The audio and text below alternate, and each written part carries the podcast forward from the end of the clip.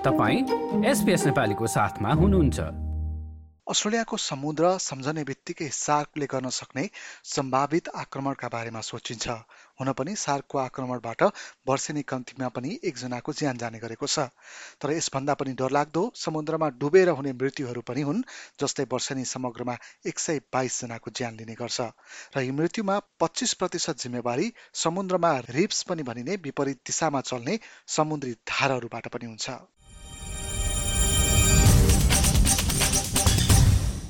गत वर्ष Surf life savings नामक संस्थाले करिब दस हजार मानिसलाई समुद्रबाट उद्धार गरेको छ र ती उद्धार गर्नुको प्रमुख कारण चाहिँ रिप्स पनि भनिने समुद्री धारहरू हुन्। सर्फ लाइफ सेभिङ्सका तटीय सुरक्षा हेर्ने प्रबन्ध निर्देशक सेन डो छालहरू समुद्री तटका सबैभन्दा ठूलो खतरा र जोखिम भएको बताउँछन्।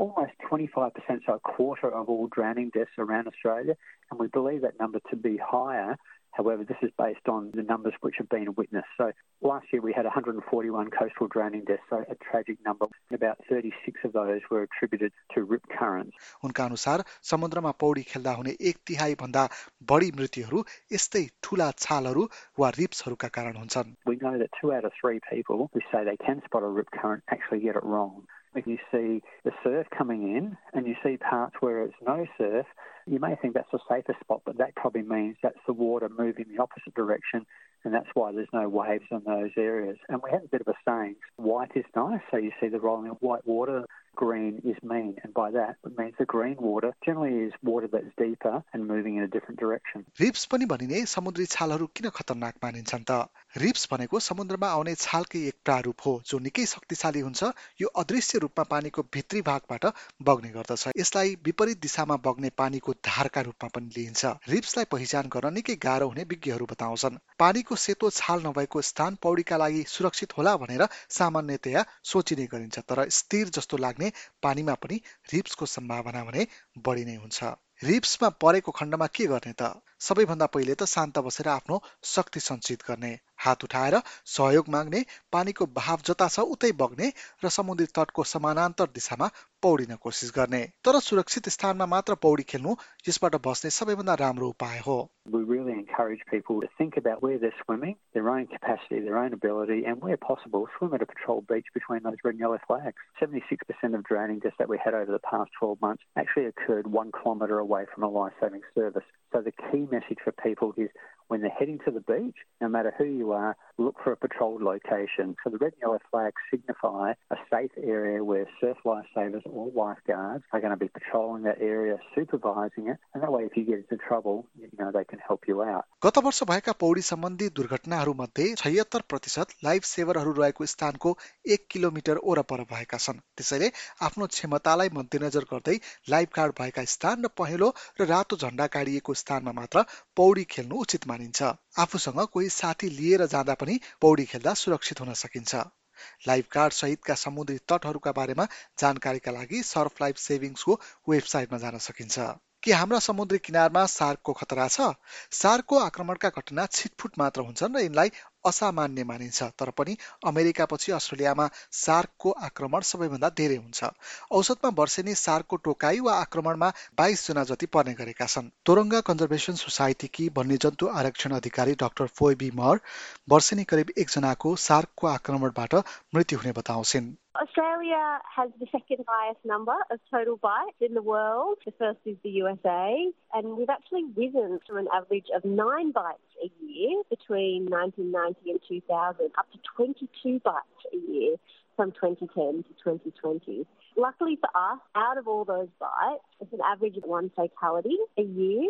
Even though there seems to be increase in the number of bites, this could be attributed to things like social media. It doesn't necessarily mean that more people are being bitten. It just means that we know about it. सार्कका चार सय प्रजाति मध्ये केही मात्र मानिसहरूका लागि खतरा मानिन्छन् टाइगर सार्क व्हाइट सार्क र बुल सार्क चाहिँ अस्ट्रेलियाका New South Wales Western Australia र क्विन्सल्यान्डमा पाइन्छन् र यी घातक मानिन्छन् I don't think they have the cognitive ability to discriminate between different mammals. Really, they're quite opportunistic feeders. We find in, from the data that often if a shark does bite a human, more often than not, it has that one bite and then turns away quite quickly it's more likely that you're in the wrong place at the wrong time. And to the shark's perspective, it doesn't matter if it's a human or a seal or a turtle. New South वेल्सको shark कार्यक्रमका Marcel green सार्कहरू केही हदसम्म teenager जस्तो हुने बताउँछन् There's nearly 400 species of sharks, and of those few hundred species, there's really only three species of concern to us in New South Wales. So they are the white shark, tiger shark, and bull shark. And pretty much in Western Australia, you're looking at white sharks and to a much lesser degree, tiger sharks. For Queensland, it's very much those three species, but then they've still got 10 or 12 others on their current target list. उदाहरणका लागि tiger र bull सार्कहरू बिहान र साँझको समयमा मात्र बढी देखिन्छन् यो समयमा पौडी खेल्दा भने बढी जोखिम हुन्छ They're like teenage kids in some respects. Every one of them's different. Everyone behaves differently. We have what we describe as some generalised movement patterns. So we know that white sharks are what we call a cooler water species. Heavy rainfall generally drives bull sharks out of rivers. Tigers and bull sharks are what we call more of your dawn and dusk animal, even though the animal that bites us the most is the white shark, and white sharks primarily bite us during the day. तर अन्य प्रजातिहरूले चाहिँ उनीहरूलाई आघात पुर्याएको अवस्थामा मात्र हानि गर्छन्। सार्क स्मार्ट कसरी बन्ने त? अस्ट्रेलियामा सार्कबाट बच्नका लागि विभिन्न नीतिहरू लागू गरिएका छन्। समुद्रमा जालीको प्रयोग हेलिकप्टर र ड्रोनहरूबाट निरीक्षण साइरन लगायतका उपायहरू लागू गरिएका छन्। सार्कलाई इलेक्ट्रोनिक ट्याग लगाइदिएर पनि उनीहरूको अवस्थाका बारेमा जानकारी राख्ने गरिन्छ। When you see lots of birds diving, that's a strong indication to you that there is a lot of bait fish in the water. Little fish means big fish, big fish means sharks. There's usually animals underneath the bait fish, which drives them to the surface. So that's why we put forward that message avoid swimming and surfing near or amongst bait balls. Shark smart स्रोतहरू New South Wales Western Australia र क्विन्सल्यान्डमा उपलब्ध छन् The best way you actually can find a patrolled beach is visit beachsafe.org.au. That's an app which is available in about 100 different languages and will give you a whole pile of different safety tips.